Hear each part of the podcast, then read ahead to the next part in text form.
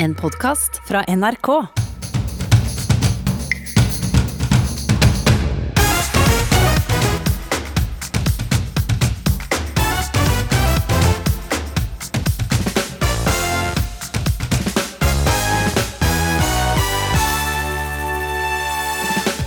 Nikita hjalp såra kamerat i sikkerhet etter skytingen utenfor London pub. Så oppdaget hun at hun selv var skutt.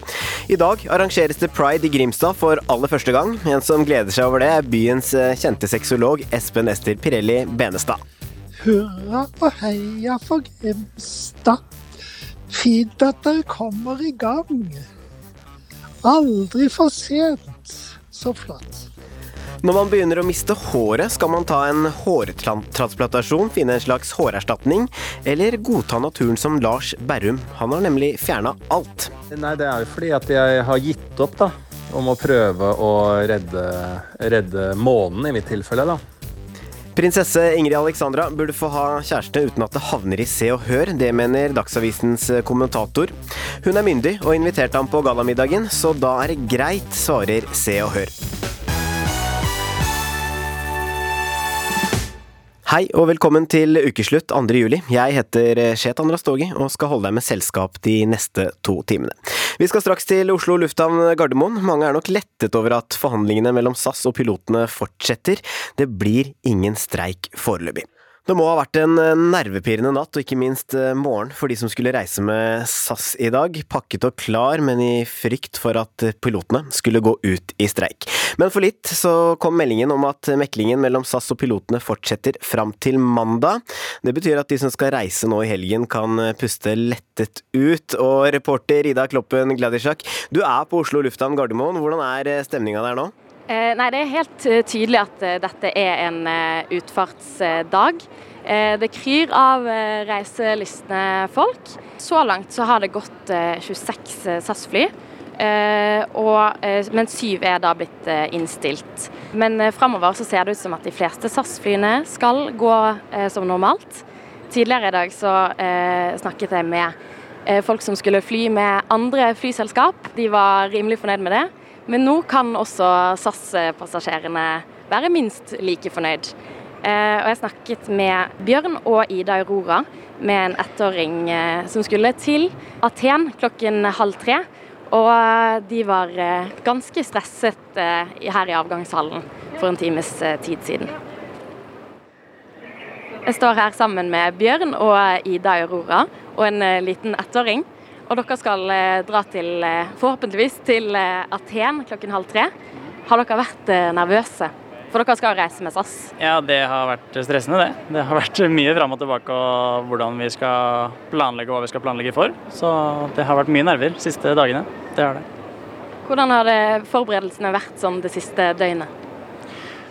Det har vært litt planlegg for at det blir tur, og så vet man jo ikke hva man skal gjøre eller hva man skal forvente, så vi har bare planlagt at det blir tur som vanlig. Og så ja, må man egentlig bare vente på beskjed. Mm. Jeg skjønte at dere hadde sittet oppe og fulgt eh, med fram til midnatt, fordi da skulle det forhåpentligvis eh, komme en eh, avgjørelse. Hva, når bestemte dere dere for å legge dere og tenke at det skulle bli tur i dag?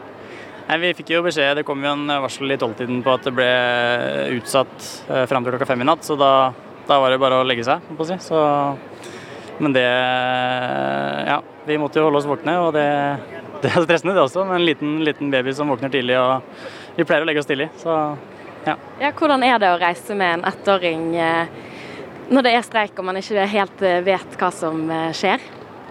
Vi prøver jo å gjøre det mest mulig forutsigbart. Og det er jo vanskelig nå. Så vi har bare dratt opp her så tidlig som mulig for å kunne følge noe av de rutinene vi har hjemme. Og så ja, prøver vi å holde de rutinene vi kan, men det er vanskelig. ja. Jeg skjønte også at det hadde vært eh, litt ekstra stress med bagasjen. For nå står vi jo ute ved innsjekken, og dere hadde, var egentlig klar for å sjekke inn bagasje og alt mulig. Men hva, hva skjedde så? Nei, Vi har jo en del ting vi er avhengig av i bagasjen, så vi ønsker jo ikke at den skal bli sittende fast eh, her. Så vi, vi avventer jo så lenge som mulig med å sjekke inn den, fram til vi ja, tenker at nå må vi sjekke den inn, eller vi får en god beskjed.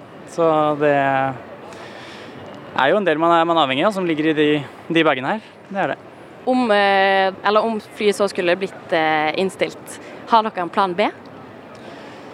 Ingen uh, god plan B, i hvert fall. Det er veldig lite andre flyvninger å ta nå. Men vi kommer jo helt sikkert til å prøve å finne en, en annen flyvning. Uh, og så må vi bare se hva som er ledig. Ja. Da krysser jeg fingrene for at uh, dere kommer dere av gårde til Aten. Helt problemfritt. God tur. Ja, trenger ingen plan B. Ida, du har jo snakka med denne familien etter at det ble klart at det ikke blir noe streik? Ja, eh, de er veldig lettet, eh, sier de. Eh, og har antageligvis og forhåpentligvis kommet seg godt inn forbi sikkerhetskontrollen. Og jeg regner med at det ikke bare er de som er lettet nå. Nei, det er det helt klart. Det er sikkert mange som er lettet. Takk til deg, Ida Kloppen Gladisjak fra Oslo lufthavn Gardermoen. Jeg er 18 år og sliter med hårtapp. Det skrev Sander Systad på P3 Meninger for noen uker siden. Hårtapp blant menn er helt naturlig, men nærmest tabu å snakke om. Og vår reporter Sigrid Solheim Haugen hun tok turen til en hårtransplantasjonsklinikk for å høre hvordan menn forholder seg til det å miste manken. Her omtrent har hårfestet ditt noenlunde vært før. Med tjukt, skulderlangt hår er ikke 28 år gamle Fredrik typen du ville sett for deg trengt en hårtransplantasjon. Men nå har vikene hans begynt å trekke seg tilbake under det halvlange håret, og det påvirker han mye i hverdagen. Såpass mye at han nå er hos en hårklinikk for å se hva han kan gjøre for å hindre at situasjonen utvikler seg. Eh, hvor det også for meg har blitt en belastning, slik at jeg går og tenker på det flere ganger om dagen. Altså Motivasjonen er ikke egentlig å se bra ut. Motivasjonen er egentlig det at jeg skal slippe å tenke noe mer over det. Tross ønsket om å beholde hårlinja, er det noe som holder Fredrik tilbake. Det blir jo en sånn overfladisk eh, greie. Og på en måte det som gjør at jeg har noen tvil, er jo at eh, jeg har heller ikke lyst til å være med, egentlig. På Jeg har ikke lyst til å bidra til et sånn type press. Problemstillinga er ikke ny for daglig leder på Masterklinikken i Oslo, Sten Ture Eriksen. Klinikken hans hjelper opp mot 1000 norske menn i året med å få tilbake håret tror at de fleste som gjør en hårtransplantasjon, gjør ikke dette av jåleri. Det går mer på trivsel og velvære og føle seg vel med seg selv. 30% av hvite menn har begynt å miste håret innen de fyller 30, ifølge forskning.no. Menn mister hår på toppen av hodet fordi hormonet testosteron gjør at hårsekkene der ikke får nok næring og dør. Men har du derimot god hårvekst i bakhodet, kan du hente hår derfra som kan transplanteres fram. Og De hårsekkene der vi plukker ut, er resistente, og den egenskapen tar de da med seg inn i det området der vedkommende ønsker å få fylt på litt mer hår. Teknologien for å få et mest mulig naturlig transplantasjonsresultat blir stadig bedre, og dermed øker også interessen blant menn som ønsker å fikse på håret.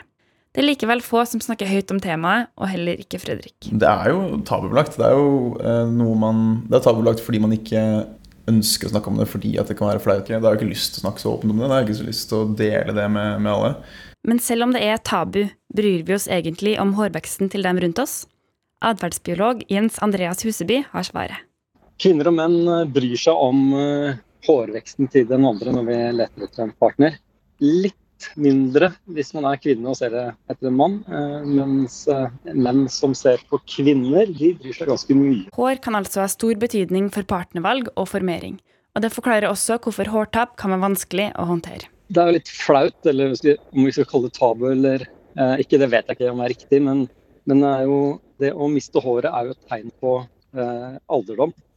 I og med at dette er noe som liksom dette datingmarkedet er noe som egentlig skal foregå i en yngre alder, så, så er det å vise tegn på alderdom noe negativt. Det er nok ikke så vanskelig å se for seg at, det å, at man har lyst til å skjule at man mister håret, er noe som er naturlig for oss. Da. For dem som er redd for at sjansene på datingmarkedet tynnes ut i takt med manken, er det likevel ikke grunn til bekymring. Hvis du spør kvinner hva som er mest attraktivt hos menn, så kommer selvtillit ut på førsteplass. Så, og det trumfer da utseende eh, og en god del andre sånne trekk som kvinner syns er attraktivt, det også, men, men, eh, men, selvtillit betyr mest. da.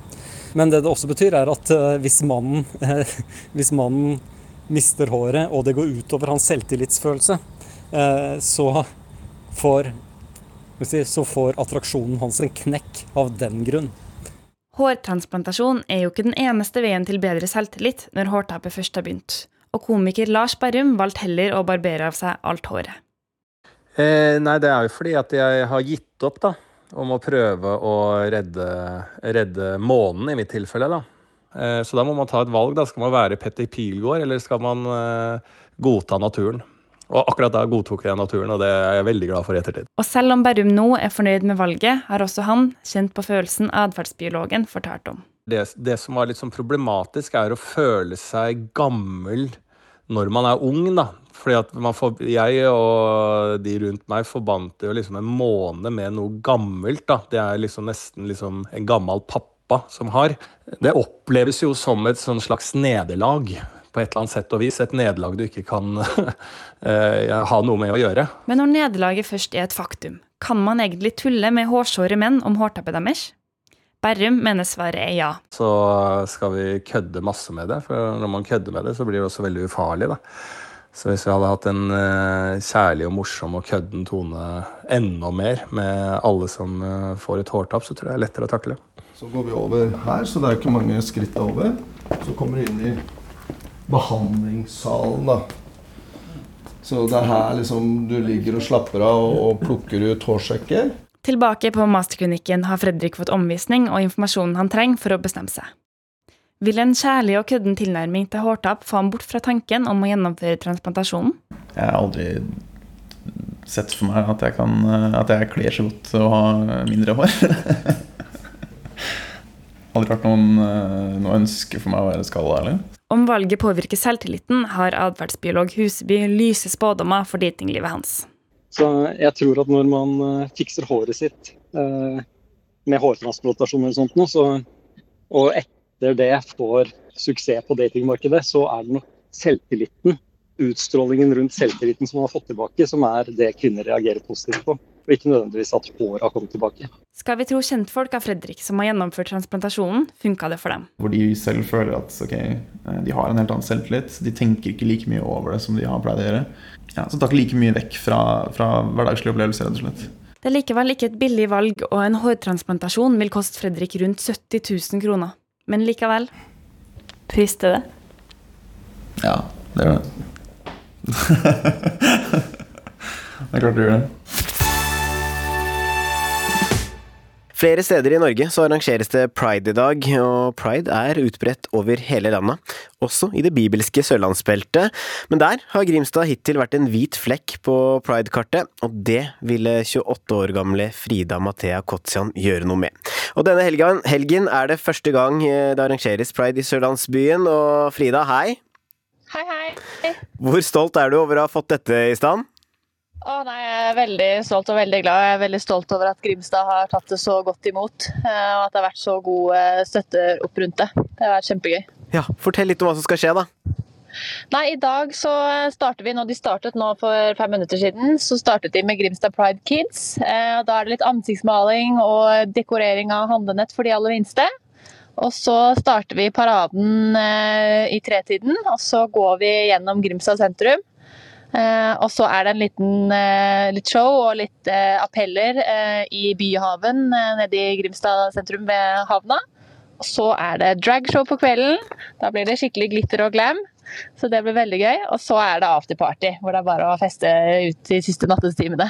Ja, Du sa jo selv at det har blitt godt uh, tatt imot, fordi Grimstad ligger jo i bibelbeltet, som det kalles. Altså, Hvordan stiller det religiøse miljøet seg til at Grimstad nå er en prideby? Eh, jeg tror nok selvfølgelig det er noen som, som eh, syns det er utfordrende og som ikke nødvendigvis ønsker det så velkommen, men vi har jo hatt mangfoldsmessig i går, og Grimstad menighet har jo vært en veldig veldig bra supporter til eh, Grimstad Pride. og Det var et kjempevellykka arrangement i går, så det var utrolig gøy. Jeg tror det er veldig viktig for, for kirka og veldig viktig for de skeive at de kan, kan, møtes, og at man kan se at kirka har rom for de, og at kirka også fikk en plattform for å vise dette. da. Mm. Og når du nevnte glitter og glam, så tenkte jeg på Espen mm. Ester Pirelli Benestad. Han er jo fra Grimstad. Tror du ikke han er stolt av? Jeg håper at han er det. Eh, det håper jeg virkelig. At han eh, syns at dette er bra, og at han syns at, eh, at, det er noe som er kommet for å bli. Mm. Hvor stor betydning har han for det skeive miljøet i Grimstad? Du, Det tror jeg han har ganske stor betydning for. for han er jo, Hvis du tenker, hvis man snakker om det skeive miljøet og nevner Grimstad, så tror jeg de fleste får det navnet opp i hodet ganske raskt. Eh, og så tror jeg han er veldig viktig for, for transmiljøet generelt. Han har jo vært en, eh, si, en pioner der, da, som har gått eh, i bresjen for det miljøet. Så jeg tror han er veldig viktig. Mm. Har du invitert han? Vi har absolutt invitert han, men han er dessverre, eller henne er dessverre på, på, på reise. Eh, så i år fikk, eh, fikk, Espen Ester ikke deltatt, men jeg håper eh, til neste år. Ja, vi får håpe på det. Du, tusen takk for praten og lykke til med paraden og resten av arrangementet. Det er mye kjærlighet i dag, spesielt i hjembyen til en av Norges mest kjente transpersoner, og professor i sexologi. Han ville vært en selvskreven gjest foran eh, i paraden i dag. Vi spurte om han skulle være der, men han er jo i Danmark på konferanse. Men det er ingen tvil om at han er veldig begeistra for at hjembyen får pride. Hurra og heia for Grimstad. Fint at dere kommer i gang. Aldri for sent. Så flott. Ja. ja. Espen Ester Pirelli Benstad, du er fornøyd? Jeg er veldig fornøyd med det. Jeg syns det er kjempefint. Dette er jo en, en, det er jo en, en verdensomspennende mobilisering av det å være begeistret for å være annerledes. Og, og så syns jeg det er så flott å si at regnbuen inkluderer jo alle. Men det er de vi skeive som setter regnbuen på kartet akkurat nå. Du skulle vel gjerne ha vært der, eller? Skulle, skulle veldig gjerne vært der. Men jeg er så hyperansvarlig for en, en europeisk kongress i Aalborg, så her flyr jeg rundt om dagen. Du sier at det aldri er for seint uh, til Grimstad, men var ikke Grimstad litt vel seint ute? Jo, det kan du godt si, men vi skal jo ikke, vi skal jo ikke leve i fortiden, noen av oss. Så eh, Derfor sier jeg det aldri for sent. Så eh, nå er Grimstad inne, og da syns jeg det er kjempefint. Hvordan er det å være skeiv i Grimstad, da? Men vet du hva, det er veldig bra. Eh, for, ja, for, en tid tilbake så var det slik at den avisen som, eller det bladet som heter Blikk, Eh, stedet de anbefalte å stoppe hvis du var for biltur fra Oslo til Stavanger. Hvor var det? Jo, det var i Grimstad. Det var på grunn av deg, det da? Ja, ja, gjerne det. Det var nok ikke bare det. Men det er klart at, at det man ser at når skeive folk er åpne og stolte, så, så har det en betydning for de lokalsamfunnene vi bor i. Eh, man blir vant med, man blir kjent med. Det, det fremmede blir ikke fremmed mer. Og det som ikke er fremmed, er ikke så farlig. Men neste år, da er du med, eller? Ja, det kan du tro hvis jeg kan, hvis det er ikke noen andre ting som kaller. Jeg er veldig engasjert internasjonalt for tiden, slik at det tar ganske mye tid. Men det er klart, hvis jeg er hjemme, så er jeg med. Og jeg kommer til å gå inn for å være hjemme. Ja, Får håpe ikke dukker opp en ny konferanse han må på. Du hørte Espen Ester Pirelli Benestad snakke med kollega Kari Li. Forrige uke så ble vi igjen rammet av terror her i Norge. Eh, Nikita Amber Abbas, du er menneskerettighetsarbeider og jobber både for funksjonshemmedes levekår, og du er nestleder i Salam, organisasjonen for skeive muslimer. Forrige lørdag så ble du og kameraten din skutt og skadet utenfor London pub. Dere begge klarte likevel å flykte vekk på rullestolen du sitter i. Nikita, hvordan går det med deg? Um, jeg er jo fortsatt i ganske sjokk. Uh, og har egentlig ikke helt tatt inn over meg hva som har skjedd. Hvordan har den siste uka vært, da? Um, den har vært fylt med altså, mye sorg og glede, på en måte. Um, fordi jeg har både um, fått uh, veldig mye kjærlighet fra de, og omtanke fra de rundt meg og folk jeg har jobbet med tidligere. Uh, og så har det samtidig vært veldig trist, fordi jeg har jo også sett hvordan hvor alvorlig situasjonen er, da, selv om jeg ikke helt kjenner det på meg selv ennå. Um, og bare hvor farlig det faktisk er å Eller kan være, da, å være skeiv i Norge. Du sa selv at uh, det har vært vanskelig å ta inn over seg hva som har skjedd. Eh, du og kameraten din var jo utenfor London pub da gjerningsmannen begynte å skyte. Kan du fortelle litt om hva som skjedde? Altså, minnet mitt er veldig tåkete, um, så jeg, jeg, litt, jeg husker bare noen ting. Av det jeg husker, så husker jeg at jeg snakket med han i ett sekund. Og så eh, plutselig så lå han i bakken, og han blødde. Um, og jeg innså på daværende tidspunkt egentlig ikke at jeg blødde i det hele tatt. Um, og jeg fikk hjelp av Han selv var jo bevisst, og um, så han og uh, hun venninna hans hjalp uh, han over i stolen foran ved føttene mine. og så bare kjørte vi uh, det forteste vi kunne bort derfra. Hm, og det er vel det jeg husker. Men kameraten din er truffet, han er skutt. Dere flykter fra stedet begge to på rullestolen din. Hva gjør dere etter det?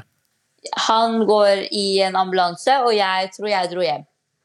Du dro hjem? Ja. Jeg har eh, fra barndommen av en tendens til å bare flykte fra ting jeg ikke er psykisk klar for å anerkjenne, da. Um, så jeg gikk helt i mine typiske, vanlige psykiske altså, tendenser. Um, og valgte da å dra hjem. Um, og bare prøve å sove det av meg, da. Ja, hva skjedde? Hva gjorde du da du kom hjem? Um, når jeg kom hjem, uh, så var jo jeg fortsatt i sjokk. Um, som resulterte jo i at jeg bare fjerna all form for bevis på at natten i det hele tatt skjedde. For jeg ønsket egentlig ikke noe som kunne minne meg på hva, hva jeg hadde vært igjennom, da. Så jeg, jeg kasta alle klærne, eller kjolene jeg hadde på meg. Um, og ja, ja, egentlig jeg kasta alt, rydda alt sammen. Og eh, fikk det jo gjerne til å bli altså, som jeg aldri var der i det hele tatt. Men så, når du er hjemme, så finner du ut at du selv er eh, skadet? Ja. Ja. Hvordan da? Um, jo, altså, sykehuset ringer jo meg og spør uh, om jeg er skadet.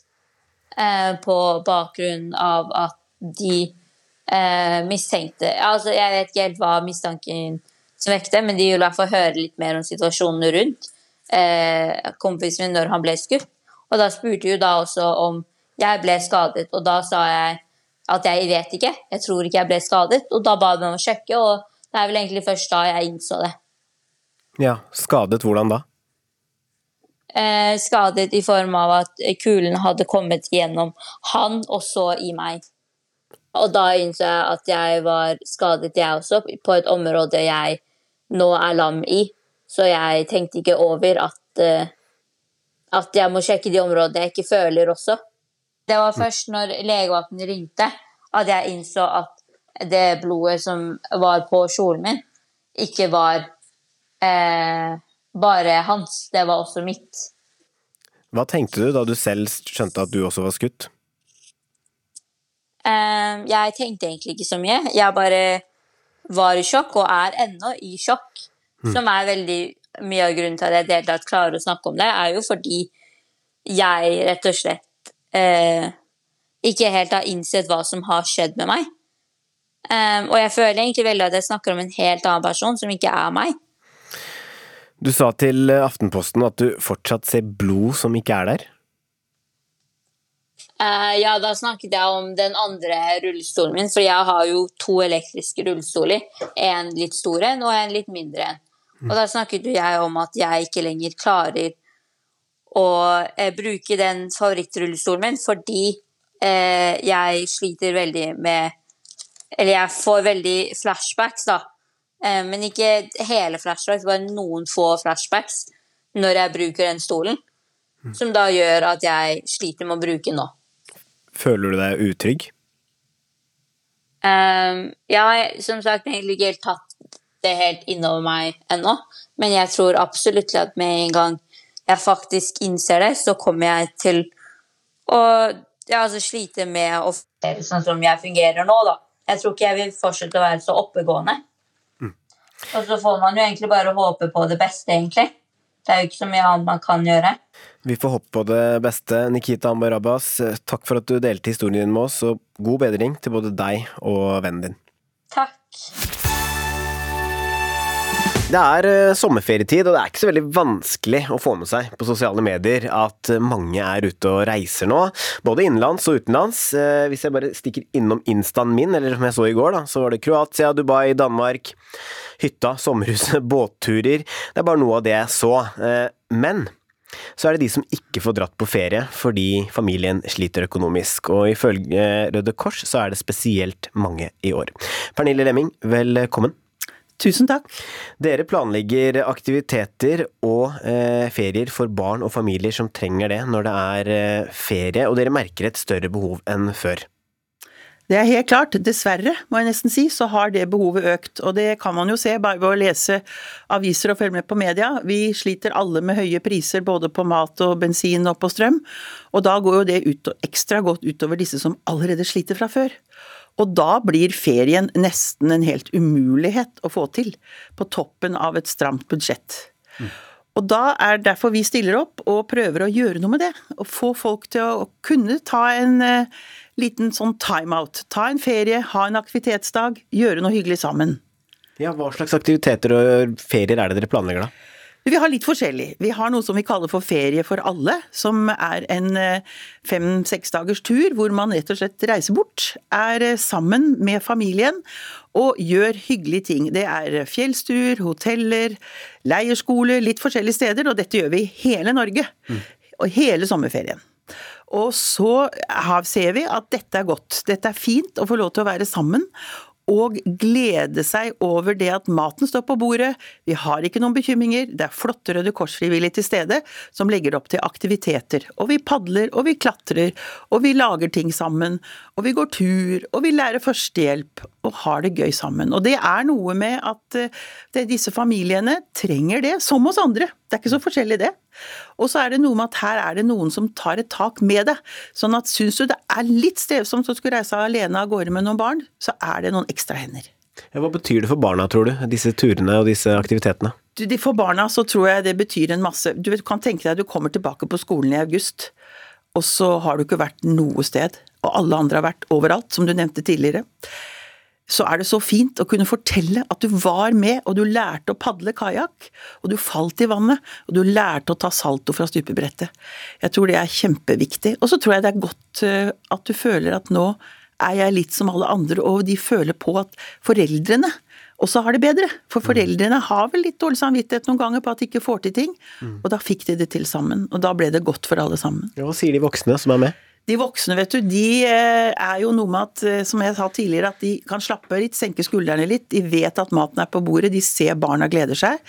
Og så er det veldig hyggelig å møte andre folk som er kanskje i litt samme situasjon, og det ser vi ofte at det skapes noen gode nettverk med de andre som er på tur. Og du vet at det er liksom i orden og det er på stell, og det, det, tror jeg er veldig, veldig viktig. Akkurat som for oss andre. Men hvordan funker dette? Familiene melder de på seg selv, eller? Ja, og dette er en viktig poeng som jeg har lyst til å bare nevne litt. Fordi vi i Røde Kors og mange andre fine organisasjoner, vi driver med dette her fordi det er et behov i samfunnet. Men vi trenger hjelp. Vi trenger hjelp fra de forskjellige eh, myndighetene våre, lokalt og nasjonalt. Nav, barnevern, skole, barnehage. Som kan melde på til disse aktivitetene. For du kan ikke melde deg på selv. Det er det noen som må gjøre for deg. Så der trenger vi litt hjelp, for de har en travel hverdag. Og det der å bruke litt tid på å skulle melde på en ferie for alle, eller en aktivitetsdag, det er så viktig for at de skal kunne komme av gårde.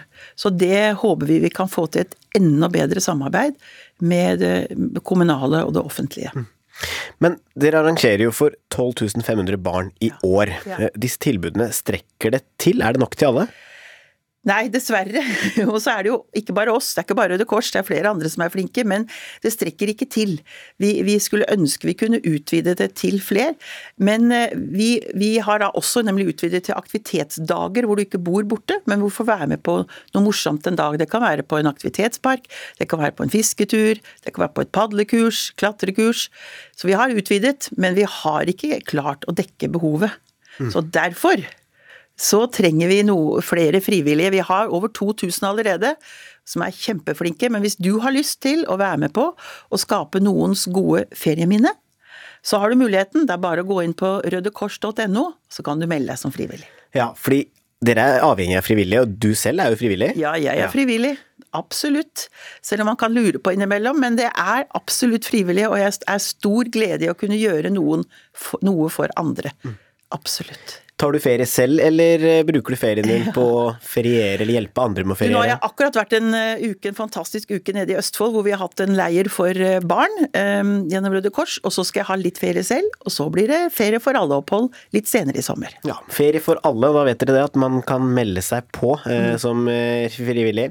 Pernille Lemming, leder i landsråd, landsråd, Omsorg i Røde Kors, var det riktig? Mm, ja. Riktig. Takk for at du var med i Ukeslutt, og god sommer. Og Tusen takk for meg, og i like måte. Vi snakket jo litt om det i stad, vi òg. Dyrere mat, strøm og bensin, eh, og et eh, dobbelt rentehopp på toppen kjennes på lommeboka til eh, mange. Og tall fra Storebrand viser at én av tre må avlyse eller endre ferieplanene sine, fordi økonomien ikke strekker til. Og med det høyeste rentehoppet på 20 år, så er det nok flere som er litt bekymret for å ikke kunne gi barna den ferien de ønsker seg. Men hva er egentlig viktigst for de små i ferien? Det prøvde kollega Susanne Skansen å finne ut av. Nå sammen famnen. Hva var det din tur, ja? Noen som skal holde noe. Jeg kan holde deg i hånda. Det kan jeg. Supert. Da går vi. Kjempebra.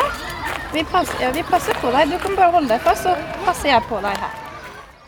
Fireåringen Sia Urberg gjør noe hun aldri har gjort før. Men det skal ikke mer til enn 50 meter på ryggen til ponnien Juvelen før hun er overbevist. Ja,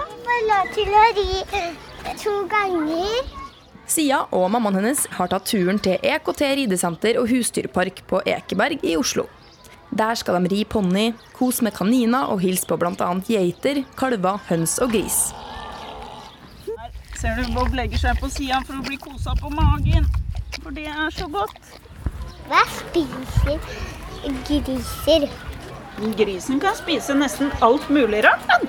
Sia og familien hennes bor egentlig i Sandefjord, men de skal bruke en god del av ferien hos besteforeldrene i Oslo. Og med høye priser og strammere økonomi kan det nok bli en del som velger å besøke familie, dra på hytta eller bli hjemme i år. Og en av dem som gjerne tar seg en hjemmeferie, det er sjubarnsmor Nina Måu Ruden. Vi hadde en heftig periode for noen år tilbake hvor vi kjente at du, når den ferieklokka begynner å tikke nå, så trenger vi bare en pust i bakken. Eh, vi kjente på et behov da, på å ikke skulle måtte pakke og fære bort. Vi tenkte at vi må, vi må bare klare en sommer hjem. Og så gikk det jo innmari fint. vi passa oss for den derre Nei, vi skal bare være hjem. Men heller tenkte jeg husker vi satte oss ned og laga en sånn 100 ting vi hadde lyst til å gjøre i sommer med ungene. Uh, og ingenting av dem handla jo egentlig om å reise bort noen plass. da var det jo alt som å spise is til frokost til å bade nattbad til. Altså det var sånne småting de hadde lyst til å gjøre, som var absolutt mulig for oss å gjøre. Som mor i en familie på ni personer er Nina vant til å tenke på økonomien før ferien begynner. I år skal de faktisk to dager til Dyreparken i Kristiansand. Og da koster billettene over 10 000 kroner for familien. Vi er jo veldig mange, så det kan jo ofte bli kostbart å bo. Og da har vi jo valgt å gå vi går ikke opp i standard, for å si det sånn, når vi reiser på ferie. Altså, Leieprisene hadde jo gått opp altså 30% på Sørlandet for hus. Så det ble jo for dyrt, for kostbart for oss å leie en feriebolig. Så da leier vi en campingvogn som kosta en tredjedel av prisen. Eh, det er klart det blir trangt og intimt, men eh, det får bare bli en del av sjarmen. Selv om Nina gleder seg til ferien på Sørlandet, har hun stor tro på at barna ofte er like fornøyd hjemme våge å sette ned med barna og spørre hva er det de har lyst til å gjøre.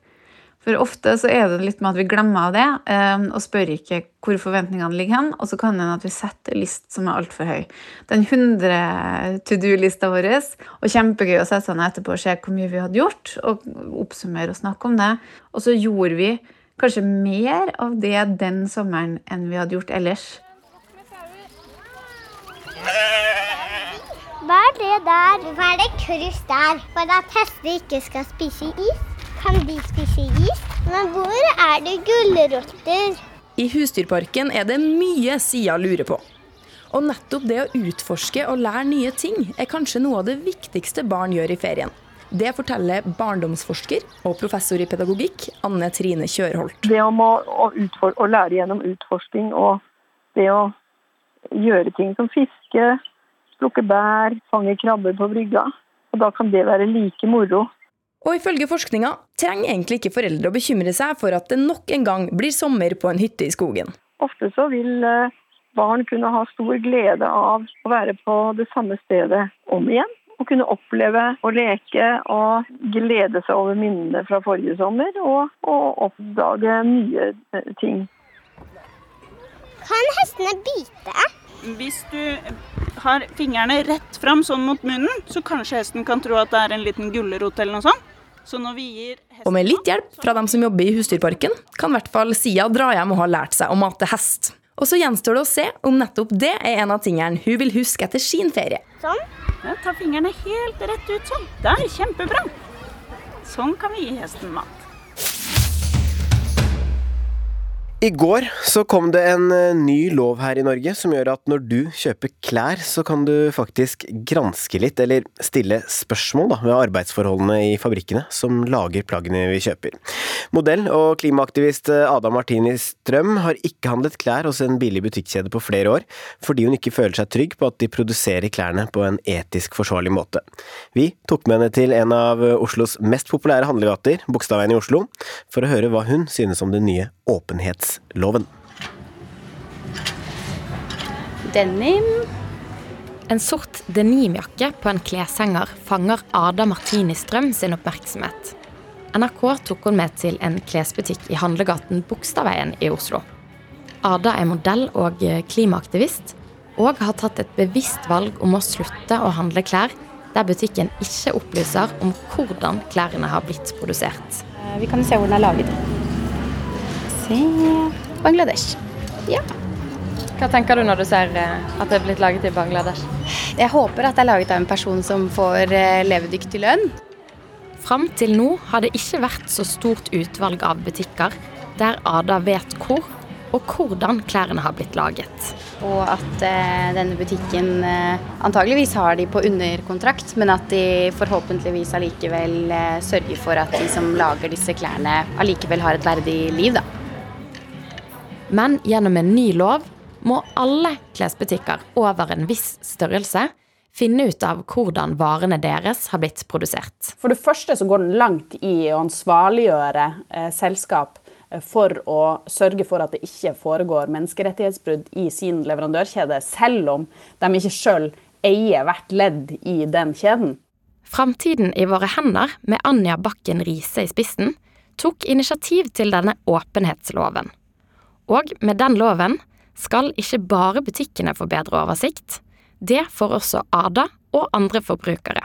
Sånn at På den ene sida har vi som forbrukere vi har rett på informasjon, både generell informasjon og spesifikk informasjon om konkrete varer og tjenester. Eh, og det eh, kan brukes som et pressmiddel for at eh, da vet selskapene at de kan bli kikka i kortene av forbrukerne. Nå kan Ada spørre klesbutikkene hun vil handle i, om arbeidsforholdene i fabrikken som har produsert plagget. Og hun har faktisk krav på et svar. Med en sånn lov så kan jo vi forbrukere få større innsikt i om de som har laget plaggene får levedyktig lønn, om det blir eh, brutt menneskerettigheter eller ikke i produksjonen.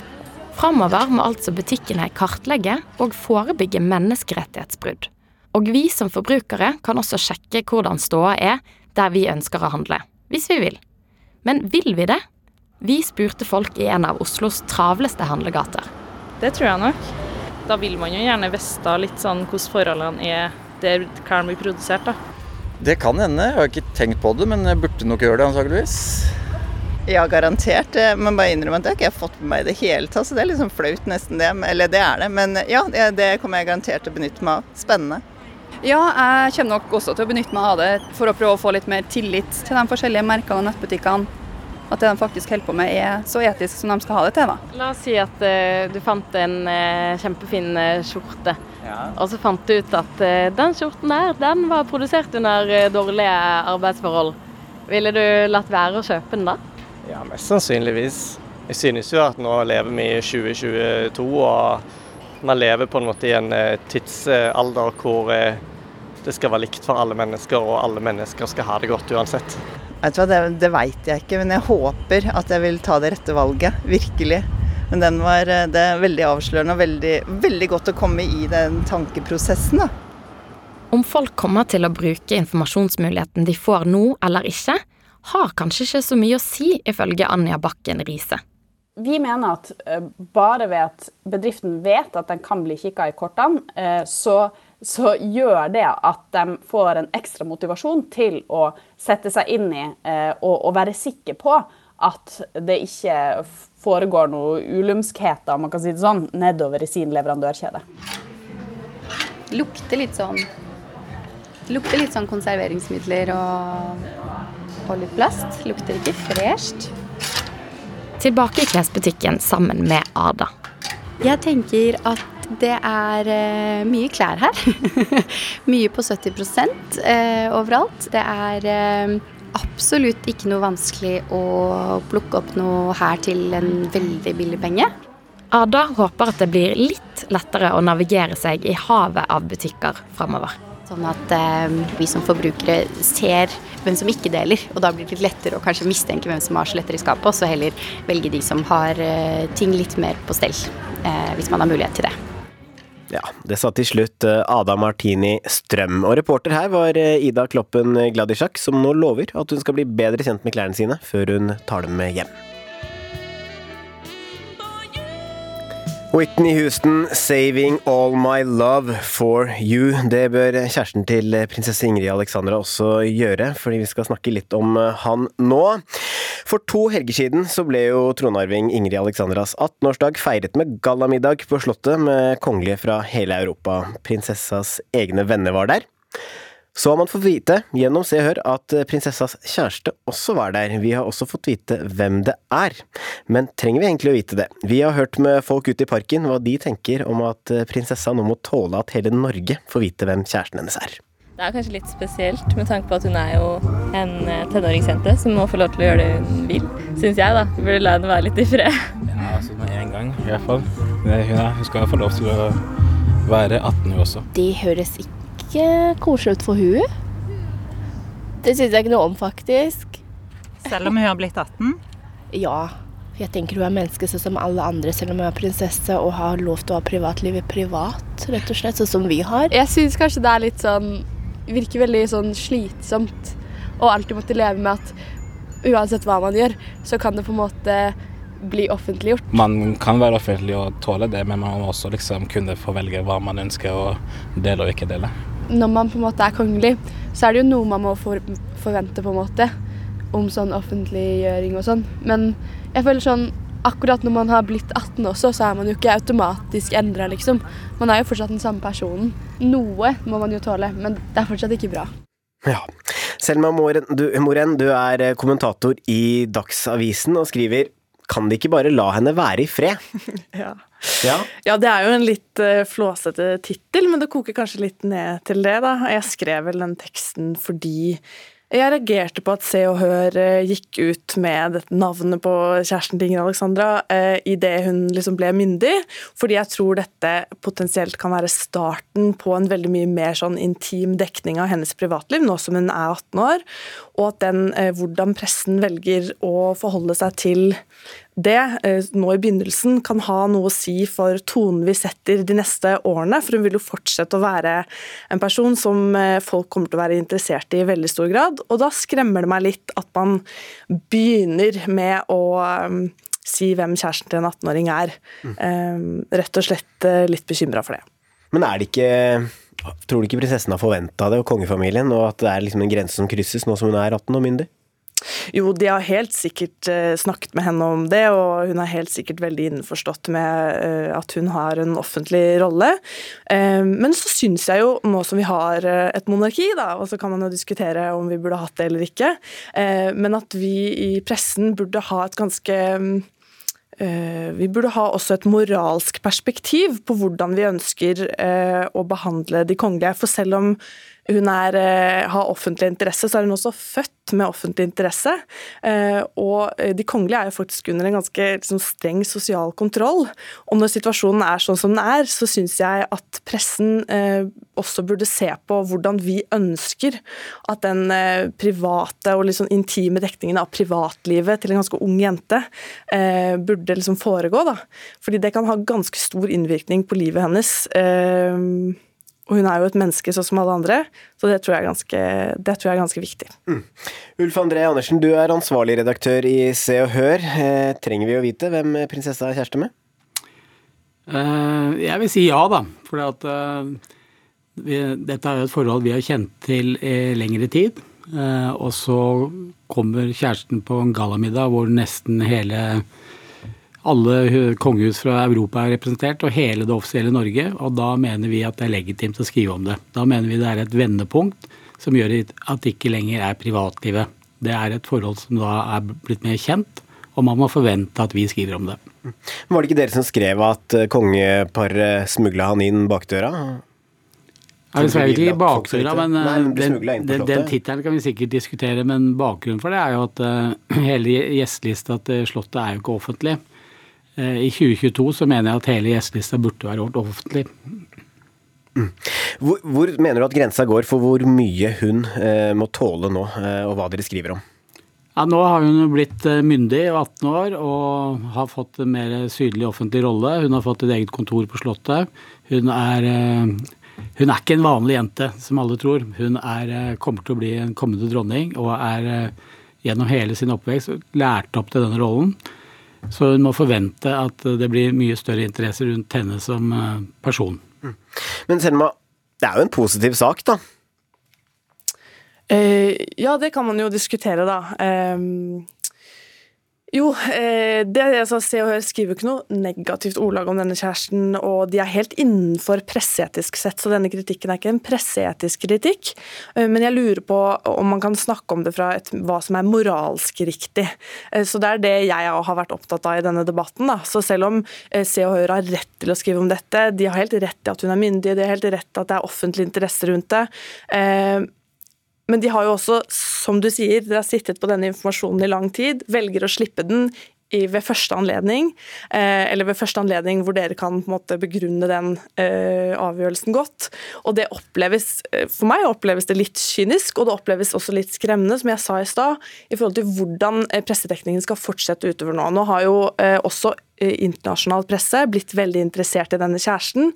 Det er skrevet om det, nå husker jeg ikke hvilke land, men det er jo helt sprøtt hvor mye oppmerksomhet det vekker. Um, og um, det å leve hele livet sitt ved at man ikke kan ha egne meninger, man ikke kan gå på skolen uten å ha livvakter rundt seg, og i tillegg så skal pressen skrive hvem du kanskje er kjæreste med. Når man er 18 år, så kan jo en kjæreste kanskje vare en uke eller to. Uh, så hvis hun på en måte får et seriøst forhold og ønsker å gå ut med det, så syns jeg hun skal få kunne gjøre det selv. Mm.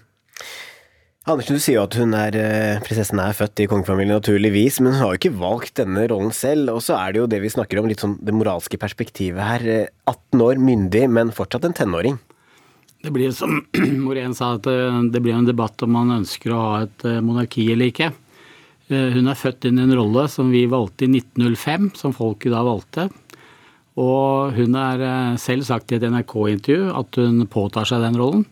Og da mener jeg også at, eh, at eh, når vi offentliggjør den saken, så er mitt inntrykk at kongehuset var eh, forberedt på det. Og jeg vet ikke om de liker det, det er en helt annen sak, men vi mener at vi har både en rett og plikt til å gjøre det.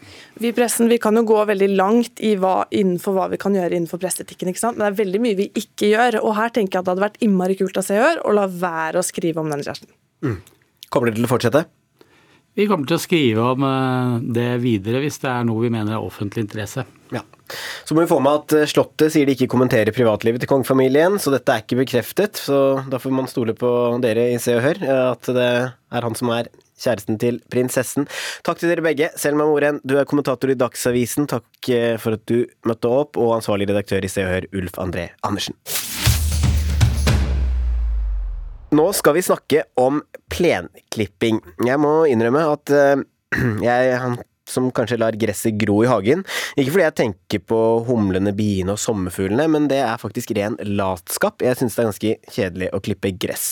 Og jeg er nok ikke alene. Flere og flere av oss har jo fått en sånn liten hjelper i hagen i form av en robotgressklipper som holder eh, plenen kortklipt til enhver tid. Det ser jo ganske fint ut med fine klippekanter og kort gress, men det kan også være et ganske stort problem. Henry Tendenes, fylkessekretær i Norsk Hageselskap Rogaland. Du har en sånn robotplenklipper ikke bare hjemme, men også på hytta? Ja, det har jeg, og det er en god hjelper. Den eh, gjør at jeg får tid til å stelle andre planter, som eh, både humle og bie er veldig glad i. Så er plenen fin til å drive aktivitet på, f.eks. Ja. Eh, du kommer ikke til å bytte ut de, høres ut som. Hauk Are Fjell, du er biolog og vil gå så langt som å forby robotgressklipperen. Nå må du forklare hvorfor. Ja, ok. Så jeg først og fremst er som en engasjert borger, da. Um, og jeg må si at jeg skjønner jo at robotgressklipper er veldig praktiske for mange mennesker. Mange eldre og folk som kan slite med å bevege seg og sånn, som ja, den er praktisk for. Men uh, greia er at det er et stort problem i verden at mengden sommerfugler og bier og humler de er på vei rett nedover. Og i noen land så har antall sommerfugler blitt halvert på bare sånn rundt 50 år. Og her i Norge så er eh, mange hundre sommerfugler utrydningstrua. Um, og greia er at Man vet godt hva grunnen til det er, og den aller viktigste grunnen det er at eh, de mister leveområdene sine. Uh, og Spesielt uh, sommerfugler og humler og bier. De har mange forskjellige typer leveområder. Men det aller viktigste er jo blomster. ikke sant? Mm. Og I Norge så er det sånn at 80% av blomsterengene er forsvunnet. 80% av blomsterengene. Og til vanlig så har det liksom vært, før disse robotklipp gressklipperne kom, så har eh, plenene våre, rett og slett hagene våre, vært viktig sted der humler og bier og sommerfugler har funnet masse nektar og mat og flydd rundt og spist. Men, eh, og da har det vært sånn at vi har klippet plenen med vanlige klipper. ikke sant? Og etter noen dager så kommer det da krypende opp masse små blomster. Hvitkløver og små gule tiriltunger og løvetann og alt mulig rart. Men disse robotgressklipperne de holder jo plenen konstant nede, ikke sant? sånn tre centimeter høy, og da er det ikke noe rom for knapt noen blomster å vokse opp, ikke sant? som de fleste bruker klipperne i dag. Ja. Og det er et kjempeproblem, for det er fryktelig masse gressplener i Norge som nå bare blir en ørken for sommerfugler. Ja. Og bier og humler. Henry mm. Tennes, fikk du dårlig samvittighet nå? jeg har hørt begrepet uh, 'den grønne ørken' før, og, og, og gras er ikke en grønn ørken, for å gjøre det helt klart. Gras, uh, det er heller ikke sånn at uh, en plen er der som humlene liker seg best. Men det er et yrende liv, både under og oppe. Og i min hage er det både tireltunger og det er hvitkløver, og jeg har robotklipper. Og den er jo ikke sånn at den må nødvendigvis gå på tre millimeter eller tre centimeter. Den kan du stille som du vil, og lar du den eh, stå stilt om våren når det er litt mindre av andre blomster som eh, biene og insektene trenger, så, så gjør du det. Men vi trenger ikke få dårlig samvittighet, for det er en, han er, som òg eh, ble nevnt, en god hjelper for mange som da kan stelle. For planter og blomster er det en mengde av som vi legger til rette for, men ikke nødvendigvis bare på uh, i plenen. Det gjør vi ikke. Men, men uh, det, må ikke, det, må ikke, bli feil at, at det er en, en, flott plen som er med å skape trivsel og gir muligheter til lek og, og spill i hagen. Det er aktivitet som mennesker trenger.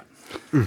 Ja, Det høres ut som det er ganske mye liv eh, i hagen til Henry, selv om han har robotgressklipper. Og også hvis man lar en annen del av hagen gro, da, til eng f.eks., løser ikke det litt av problemet? Ja, altså, eh, det, Å kalle det en grønn ørken er jo egentlig ganske riktig, for jo da, det er noen insekter over og under der òg, men det er fryktelig mye mindre enn en plen hvor blomstene får gro fritt mer av dagene. ikke sant? Hun klipper, klipper plenen mens du sitter og spiser en klippe mens du er på butikken. Uh, og Jeg er ikke ute etter å dele litt dårlig samvittighet, her, for jeg skjønner at folk bruker klipper, og jeg tror veldig mange bare ikke har vært bevisst på det her. Og jeg har jo hørt de siste dagene fra når jeg har pratet med mange, og det er heldigvis mange som skjønner dette problemet, og faktisk nå ja, velger å kvitte seg med robotklipperen. Da, og velger å sette den på så høy høyde de klarer i store deler av hagen, f.eks. Um, så det er mange ting man kan gjøre, men jeg mener man må være veldig veldig oppmerksom på at dette er faktisk et veldig stort problem. Og jeg ser jo Jeg har vokst opp på Tjøme, da, eh, ute ytterst i Oslofjorden. Et yrende sted for sommerfugler og bier og humler. Og jeg ser jo der at eh, det er mange hytter som har enorme gressplener, der hvor disse klipperne settes ut i april, ikke sant, og så går de konstant til oktober. Store, altså mange, mange mål med gressplener på enkelte hytter som bare klippes konstant ned, selv når folk ikke er der. ikke sant? Og det er hele konseptet her som blir galt. Det er sikkert mange måter å gjøre noe med dette på, men det er et faktum at etter robotgressklipperne har kommet ut, markedet og folk bruker dem, så ødelegger det ekstremt for sommerfugler, humler og bier. Og det må gjøres noe med, for vi kan ikke sitte og se på at dette skjer. Da trenger vi heller litt informasjon. og vi, skal, vi må ikke sette ting opp imot grønt mot grønt. Dette handler om at vi må legge det til rette for både sommerfugler og bier, ja. Men, mm. men det må ikke være sånn at uh, en, en, tror at med å fjerne robotklipperen, så, så fjerner vi et problem. For det har jeg ingen tro på. Det, man fjerner jo problemet hvis man fjerner robotgressklipperen. Det er derfor jeg har tatt til orde for at det vil være bra å forby dem. Asfalt, er... og, asfalt og betong i byen uh, tar mye mer plass enn det er robot. Definitivt at asfalt og betong er et problem, men det er robotgressklippere også, og nå snakker vi om dem, ikke sant. Um, og det er jo sånn at det er sikkert mange måter å løse det her på, for enkeltpersoner som vil bidra så kan man jo også la robotgressklipperen gå på deler av eh, hagen f.eks. Og så kan man plante blomstereng et annet sted. Og det skriver jeg om, Jeg har en kronikk på NRK som er nå, og der skriver jeg om det. At det er veldig enkelt egentlig å plante blomstereng. Da skal man egentlig fjerne deler av det øverste jordlaget, og så sånn at den næringsrike jorda blir borte, så kan man plante ville norske blomster i deler av hagen f.eks. Vet du hva? det, det så, dere to, Henry Tennes og Hauk Kari Fjell, dere burde jo egentlig bare møtes for en kopp kaffe. Eller eh, ta dere en sånn sommerdrink i hagen til en av dere, og fortsette denne praten. Dere har jo glemt bort meg helt. Jeg vet ikke om dere kommer til å bli enig i det hele tatt i, eh, i dag, men da vet vi det. Eh, Tednes, at du kommer til å ja, beholde disse robotplenklipperne dine, og eh, Fjell, du kommer til å fortsette å klippe Eller man kan, kanskje du skal avslutte med å be folk ikke klippe gresset så ofte. Kanskje de kan la det gro litt, spesielt når de er bortreist. Det er ikke noen skam å gjøre det, i hvert fall. Nei, det er ikke noen skam i å gjøre det. Takk for at dere var med i Ukeslutt, begge to. Ansvarlig for eh, sendingen i dag var Helga Tunheim, teknisk ansvarlig, Eli Kyrkjebø og i studio Shetan Rastogi. Og husk at vi gjerne tar imot tips og tilbakemeldinger på ukeslutt at nrk.no. Du har hørt en podkast fra NRK. Hør flere podkaster og din NRK-kanal i appen NRK Radio.